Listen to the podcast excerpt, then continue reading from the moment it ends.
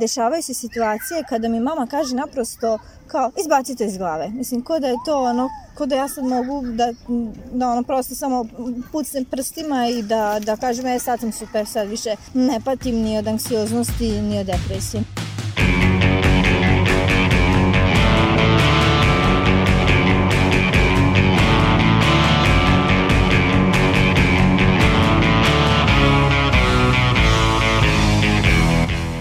Zdravo! Slušate, a po prvi put i gledate podcast Reagu i nezavisnog društva novinara Vojvodine. Ja sam Sanja Đorđevića na pripremi. Ove emisije radili su Aleksandra Bučko, Irena Čučković, Nemanja Stevanović i Iva Gajić. U jubilarnoj 50. epizodi govorit ćemo o važnosti mentalnog zdravlja, ali i o odnosu mladih prema njemu, tabuizaciji i stigmatizaciji psihoterapije. A ovo izdanje podcast Reaguj dolazi u dva formata – video i audio. Osim što smo vam pripremili priče, o ovoj temi smo pričali i sa gošćom u studiju. U pitanju su Ivana Perić, koordinatorka SOS ženskog centra i Snežana Vujanović iz Pokrinjskog zavoda za sport i medicinu sporta i psihološki savetnik REPT orijentacije. Da ukratko i objasnimo, REPT je skraćeno za racionalno-emotivno behavioralnu terapiju, zasnovanu na tvrdnji da ljudi nisu uznemireni događajima samim po sebi, već svojim viđenjem tih događaja događaja. Snima gostovanja, razgovor sa gošćama kao i celokupno izdanje podcasta Reaguj sa slikom možete pogledati na našoj Facebook stranici NDNV Media Hub, ali i na stranici EU Infopoint Novi Sad. Sada slušate audio izdanje. Odmah na početku idemo na brojke. Gotovo 40% mladih priča o svojim osjećanjima sa bliskim ljudima, dok 45% svoje emocije deli samo ponekad. Navodi se u izveštaju U-Reporta, platforme koja omogućava svima da putem putem poruka iz bilo kojeg dela sveta odgovore na upitnike, izveštavaju o problemima, podrže prava deteta i aktivno učestvuju u promenama za dobrobit zajednice, a u okviru UNICEF-a. Istraživanje je sprovedeno u oktobru prošle godine. U njoj je učestvovalo najviše mladih od 15 do 19 godina, uglavnom ženskog pola. Poslušajmo rezultate. Svega 4% smatra da je obraćanje za stručnu psihološku pomoć pomodarstvo i da osobe koje je traže preuveličavaju. Jedna petina smatra da je ovo sasvim u redu, ali da je tabu tema. Kao probleme sa kojima se mladi najčešće susreću, ispitanici navode anksioznost, stres, dugotrajnu potištenost i bezvoljnost, kao i nepovoljnu sliku o sebi. Mladi se najčešće obraćaju drugarici, odnosno prijateljima, oslanjaju se i na partnera, ali i na majku. O dostupnosti psihološkog savjetovanja stavovi su podeljeni na dva jednaka dela, pa tako 50% ispitanika smatra da mladi imaju dostupan pristup psihološkom savjetovanju, dok druga polovina smatra suprotno. Porodica je ključan oblik podrške mladima sa psihološkim poteškoćama, a potom slede individualne sesije sa psihologom, kao i radionice, vršnjački edukatori i razgovori sa vršnjacima. Ispitanici smatraju da je podrška nastavnika najmanje bitna. Kako bi se obezbedilo bolje mentalno zdravlje kod mladih, neophodno je normalizovati posetu psihologu, smatra skoro polovina ispitanika. Dostupnost informacija o mogućnostima kome mladi mogu da se obrate i više dostupnih stručnih radnika takođe su činilac koji bi olakšao poziv mladih za pomoć. Digitalna tehnologija otvara prostor za nove, za mlade olakšane načine da se pristupi problemu mentalnog zdravlja. Tako online savetovanje, forumi, platforme ili aplikacije predstavljaju potencijal za efikasnije rešavanje psiholoških problema. Poslušajmo sledeći prilog, nakon čega ulazimo dublje u tematiku. Dešavaju se situacije kada mi mama kaže naprosto kao izbaci to iz glave. Mislim, ko da je to ono, ko da ja sad mogu da, da ono prosto samo pucnem prstima i da, da kažem, e sad sam super, sad više ne patim ni od anksioznosti ni od depresije. Tvoji problemi nisu stvar. Izbaci to iz glave. Razmišljaj o nečem pozitivnom. Saveti su koje osobe koje imaju mentalnih poteškoća redovno dobijaju. Ti saveti su pogrešni. Podrška okoline je vrlo važna, objašnjava Luka Todorović iz Udruženja građana Patrija, ali mora biti izvedena pravilno. Podrška od strane roditelja, od strane partnera, od strane prijatelja neka može biti zaista i dragocenija od podrške psihologa koja je sprovedena na pravi način. Ono što jeste rešenje jeste zapravo da pokušamo da priđemo ovim problemima iz neke drugačije perspektive, iz perspektive razumevanja, a ne osuđivanja. Kako se o mentalnom zdravlju malo priča, Anita Čolak je svoj problem otkrila igrom slučaja. Ja nisam znala šta mi se dešava u početku kad sam zapravo prvi put po meni upala u depresiju, nego vremenom sam upoznala tu psihoterapeutkinju, zajedno smo išle na ples i tako smo tako pričale neobavezno i onda je ona meni rekla kao pa ti imaš kao problem, kao eto ja sam psihoterapeut, ukoliko želiš možeš da dođeš da popričamo malo pa ćemo vidjeti ovaj. Stigma je ono što prati osobe koje o svojim problemima govore otvoreno. Anitu najviše podržava njen verenik, ali i prijatelji. Neki ljudi dalje ne mogu, kako da kažem, osuđuju me zato što pijem lekove. Međutim, eto, i on i moji prijatelji ovaj, govore da ako meni to pomaže, da da treba da ih pijem. Niko ne želi da bude tamo sa strane. Ako se ispostavi da ja jesam to, da ja imam nešto oko mene što da te ne volja, nešto što je ne znam ja šta, ja ću postati ta margina, postaću deo toga, niko ne želi da postane deo toga. Zbog toga i samog tog straha ljudi neće dolaziti na pomoć. Za komplikovane probleme ne postoji jednostavno rešenje, ali postoji dobar početak rešavanja. Anita zaključuje kratko. Što se više priča, lakše će se rešiti problem. Želeli smo da saznamo iz prve ruke kako mladi doživljavaju mentalno zdravlje i koliko je za njih ono važno. Slušamo prilog koji je napravila studentkinje novinarstva Jovana Tandarić.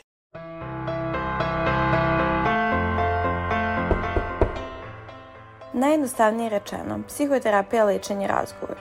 Reč po reč. Ono što terapijski razgovor razlikuje od razgovora sa prijateljem, strancem, sveštenikom ili bilo kojom drugom osobom koja je spremna da vas sasluša, je to što vas terapeut sluša na jedan drugačiji način, dajući prostor vašim doživljajima, interveniše onda kada je potrebno i pri tome koristi različite terapijske tehnike.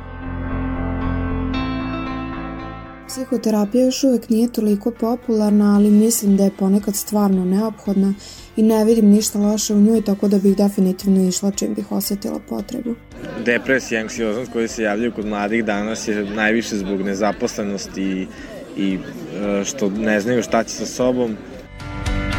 Psiholog Nemanja Dosan objašnjava da se mladi danas sve više odlučuju za psihoterapiju, ali kao najveći problem u vezi sa tim ističe strah od etiketiranja u javnosti. Sve više mladi koji se odlučuju da idu na psihološko savjetovanje odnosno psihoterapiju, s tim da manji broj mladih ima strah od oste okoline etiketiranja da imaju neki ozbiljni problem ili da su poludeli po znacima navoda. Samim tim, krug ljudi koji znaju za problem se možda svodi na dve osobe. Novosađani sa kojima smo razgovarali podeljenog su mišljenja kada je u pitanju ceo koncept psihoterapije. Za neke u rešavanju problema sa mentalnim zdravljem dovoljan razgovor sa bliskim osobama iz okoline dok drugi smatraju da je veoma važno prilikom poteškoća s mentalnim zdravljem obratiti se stručnom licu da oni imaju šta da rade, ne bi oni bili ovaj, neraspoloženi. A što se tiče psihologa, najbolji psiholog svakog čoveka je njegov prijatelj. Kao i svaka druga terapija, psihoterapija postoji sa razlogom da se nekome pomogne i u slučaju da postoji potreba, naravno da sam za to da se podvrgne psihoterapiji. Psiholog Nemanja Dostan kaže da postoje brojni razlozi zbog kojih se mladi odlučuju na psihoterapiju, te dodaje da roditelji dosta greše prilikom savjetovanja dece kada je problem sa mentalnim zdravljem u pitanju. Razlozi zbog kojih se mladi danas javljaju pre svega je neki ošće anksioznosti, stres, manjak samopouzdanja, depresija ili pak raskid ljubavne veze. Mladi su bolje upućeni u to šta rade psiholog, psihoterapeut ili psihijatar, nego stariji ne gledaju najavljanje za pomoć kao slabost i problem. Uh, roditelji zbog neznanja pre decu savjetuju idu kod psihijatra nego da, da idu krenu na psihološko savjetovanje ili psihoterapiju.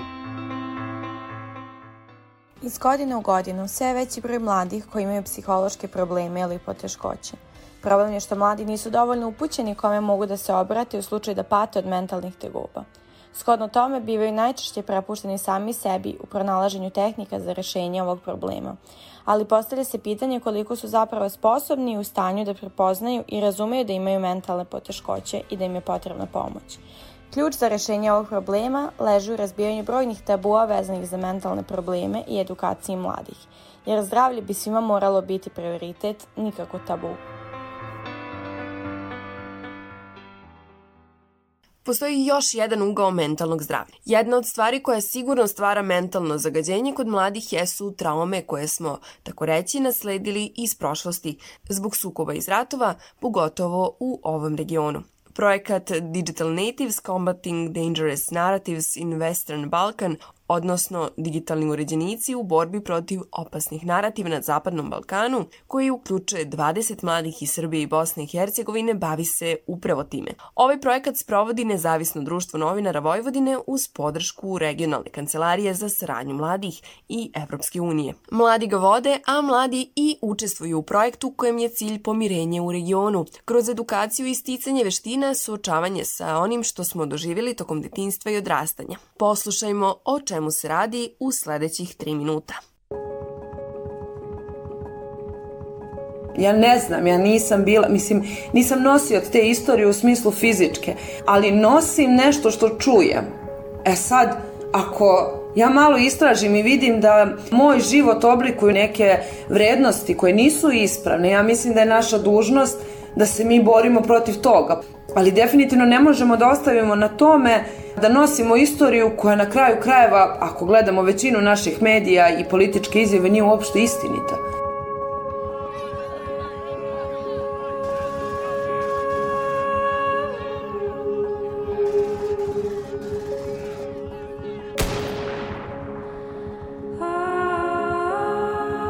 Čuli smo Jelenu Božić iz Srbije a Alen Bajramović je iz Bosne i Hercegovine i oni su učesnici projekta Digitalna generacija u borbi protiv opasnih narativa na Zapadnom Balkanu.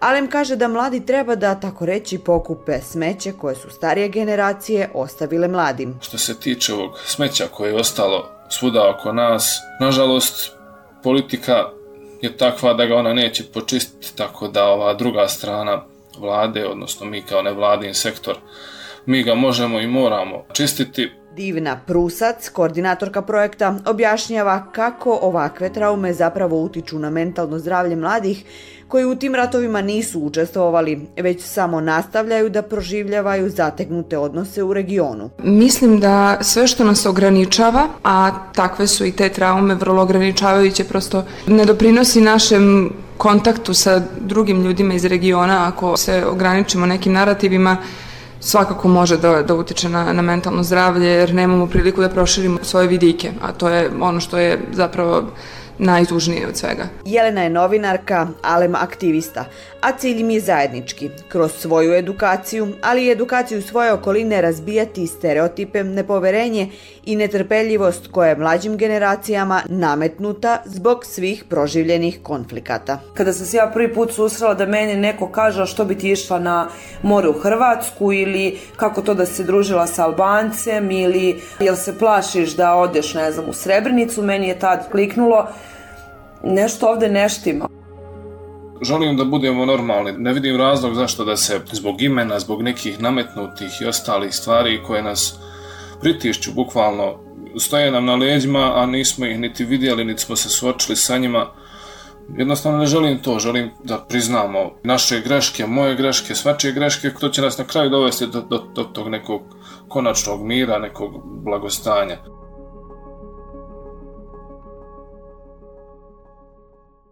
Kada je u pitanju svakodnevnica, ona se od početka pandemije okrenula za 180 stepeni. Kako uskladiti novu realnost i nove navike koje smo morali da steknemo sa poteškoćama koje nosi pandemija? Kako prevazići probleme i naći želju za radom? Nedavno je krovna organizacija Mladih Srbije objavila istraživanje pod nazivom Život mladih u Srbiji, uticaj COVID-19 pandemije.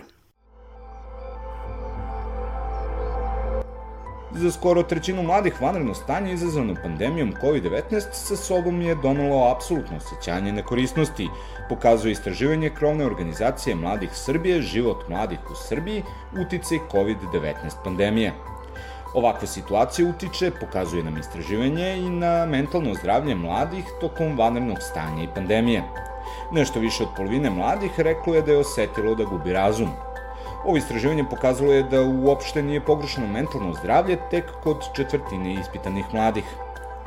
Važno je napomenuti da su mladi iz velikih gradova ocenili da im je mentalno zdravlje više pogoršano u odnosu na mlade iz manjih naselja. kom se ističe da podaci koji ukazuju na osjećanje pogoršanja mentalnog zdravlja kod mladih tokom vanrednog stanja moraju da budu alarm za sve donositelje odluka. Zato ističu da prioritet mora biti da se smanje negativni efekti pandemije između ostalog i po mentalno zdravlje dela populacije mladih. Ovi negativni efekti se mogu dugoročno uvećati, zato bi nadležne institucije morale kreirati set programa i servisa podrške za mlade.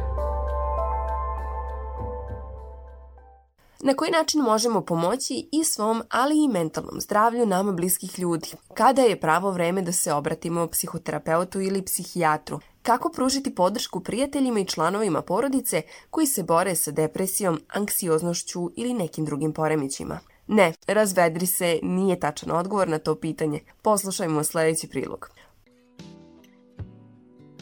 Sajt krugzdravlja.com nudi nekoliko saveta kako sačuvati mentalno zdravlje, posebno u vreme i izvanrednih situacija na koje ne možemo mnogo uticati, kao što je pandemija koronavirusa. Naime, ovakve situacije treba prihvatiti kao izazov, jer ako razmišljamo o tome kao da smo kažnjeni i za mnogo toga uskraćeni, bit će nam teže i više energije će nam oduzimati sve što budemo radili, a naročito će nam teško pasti ako ne budemo radili ništa. Zbog toga su čitanje, učenje i sticanje novih veština veoma značajni. To ne mora biti neki veliki pomak i isprobavanje novih kulinarskih recepata je odličan početak. Ako smo usamljeni, sasvim je u redu potražiti pomoć i podršku porodice ili prijatelja, koja nam može mnogo pomoći da prebrodimo teške periode, kaže Luka Todorović iz Udruženja građana Patri. Podrška od strane roditelja, od strane partnera, od strane prijatelja neka može biti zaista i dragocenija od podrške psihologa koja je sprovedena na pravi način. Isto tako, svako od nas treba da se okrene i drugima kojima je pomoć potrebna. Nekome treba samo razgovor, lepa reč utehe i ohrabrenje ili samo iskren osmeh sa druge strane žice. A o tome koliko je podrška bližnjih važna u procesu lečenja depresije govori i Anita Čolak. Ona naglašava da je jedan od glavnih problema stigmatizacija osoba koje zbog mentalnih stanja piju medikamente. Momak je sad velika podrška i podržava me i to što pijem lekove i što neki ljudi, mislim, neki ljudi dalje ne mogu, kako da kažem, osuđuju me zato što pijem lekove. Ovaj, međutim, eto, i on i moji prijatelji ovaj, govore da ako meni to pomaže, da, da treba da ih pijem. Luka Todorović iz Patrije dodaje da stigmatizacija mentalnih bolesti jeste i dalje veliki problem u našem društvu. Ono što jeste rešenje jeste zapravo da pokušamo da priđemo ovim problemima iz neke drugačije perspektive, iz perspektive razumevanja, a ne osuđivanja. Da kada prosto vidimo nešto što nam nije jasno ili što ne možemo baš najbolje da razumemo, da ne krećemo da etiketiramo te osobe, da ih osuđujemo, već da zaista krenemo da pokušamo ih razumemo na neki drugačiji način, čak i ako ne razumemo, samo da ne pokušamo da ih stavimo dodatno težinu. Kada je reč o pronalaženju podrške i razumevanja, Anita Čolak kaže da je veoma važno što i na internetu pronalazi priče ljudi koji otvoreno govore o svojim problemima. Umetnika jako puno pratim koji javno pričaju o, o svojim mentalnim problemima i prosto se svi zajedno pronalazimo i nekako smo postali tako kažem, jedno društvo, jedna, jedna ekipa. Međutim, šta je ono što se može uraditi na sistemskom nivou? Anita Čolak rešenje vidi u edukaciji od najranijeg uzrasta. Možda dva, tri časa u okviru, ne znam, prirode i društva ili nekog tog predmeta gde bi e, već decu upoznali sa, sa tim problemima, zato što sam se ja susretala sa decom koja, kod koje se vidi da im treba već ovaj, da li pomoć psihologa ili, ili ne znam, psihoterapeuta. Postoje važni datumi poput 10. septembra Svetskog dana prevencije samoubistva ili 10. oktobra Svetskog dana mentalnog zdravlja, kada se u javnosti češće skreće pažnja na ovu temu. Međutim, neophodno je o njima pričati svakog dana, a upravo edukacija stanovništva i destigmatizacija mentalnih bolesti jesu put ka rešenju ovog problema. Kratko vam otkrivamo i rešenja o kojima su razgovarale gošće u live izdanju podcast Reaguj. Ivana Perić, koordinatorka SOS ženskog centra, promoviše edukaciju mladih pa i vršnjačko pružanje pomoći e, jeste važno obrazovanje, ali sistemski pristup nam treba, obrazovanje koji ide i ka roditeljima, i ka profesionalcima, ustanovama, i ka čitavom sistemskom modelu koji ima negde u cilju prevenciju mentalnog zdravlja. Ali to je jedan dugoročan zadatak ono što možemo jeste da možda osnimo neke centre u školama ili tamo gde je mladima dostupno, da znaju da možda peer education ili peer learning sesije ili negde to parničko savjetovanje može biti jedan od možda dobrih načina da obučimo mlade kako da budu dobri savjetnici sa vršnjacima kao neka početna karika, a onda dalje da se zajedno obuti za neku podršku a Snežana Vujanović iz Pokrinjskog zavoda za sport i medicinu sporta i psihološki savjetnik REPT orijentacije smatra da je jedan od sistematskih rešenja i uvođenje predmeta kao, na primjer, emocionalna inteligencija. Kada govorimo o sistemskim promjenama, pa recimo u osnovnoj školi postoje dva izborna predmeta, građansko vaspitanje i veronauka. Ovaj, veliki izbor. E, na primjer, moglo bi da se uvede emocionalna pismenost gde bi deca od prvog razreda osnovne škole naučila da prepoznaju i da imenuju svoja stanja. Vi kada pitate, ne mora da bude mlad čovek, evo ljude mojih godina, kako se osjećate, onda oni kažu e, loše mi je. Ok, hajde da vidimo kako to loše. Nema reči za to loše. Loše može da bude besno, imam grižu savesti, e, tužan sam, depresivan sam, uplašen sam, to je sve loše. E, Zašto? Zato što ne postoji prosto iskustvo da se emocije prepoznaju, da su emocije okej, okay, da su sve emocije okej. Okay.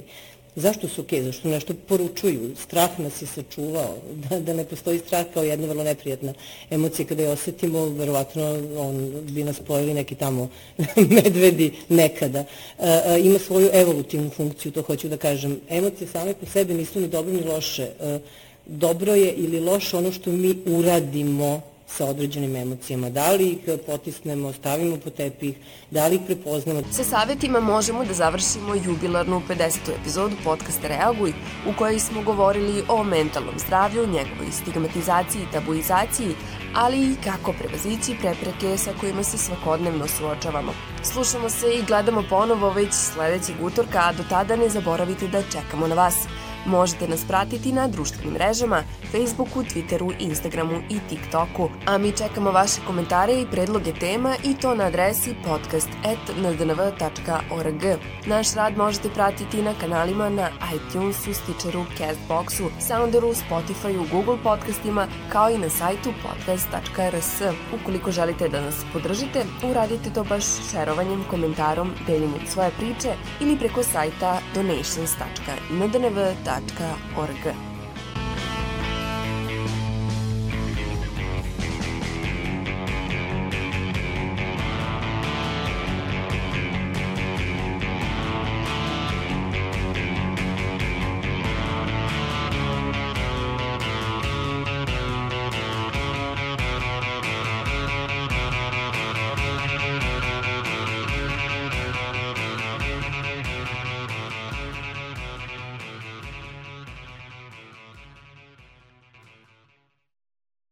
Ova epizoda podcasta realizovana je u okviru kampanje delegacije Evropske unije u Srbiji povodom Dana Evrope 2021. godine, zajedno sa EU Infokutkom Novi Sad.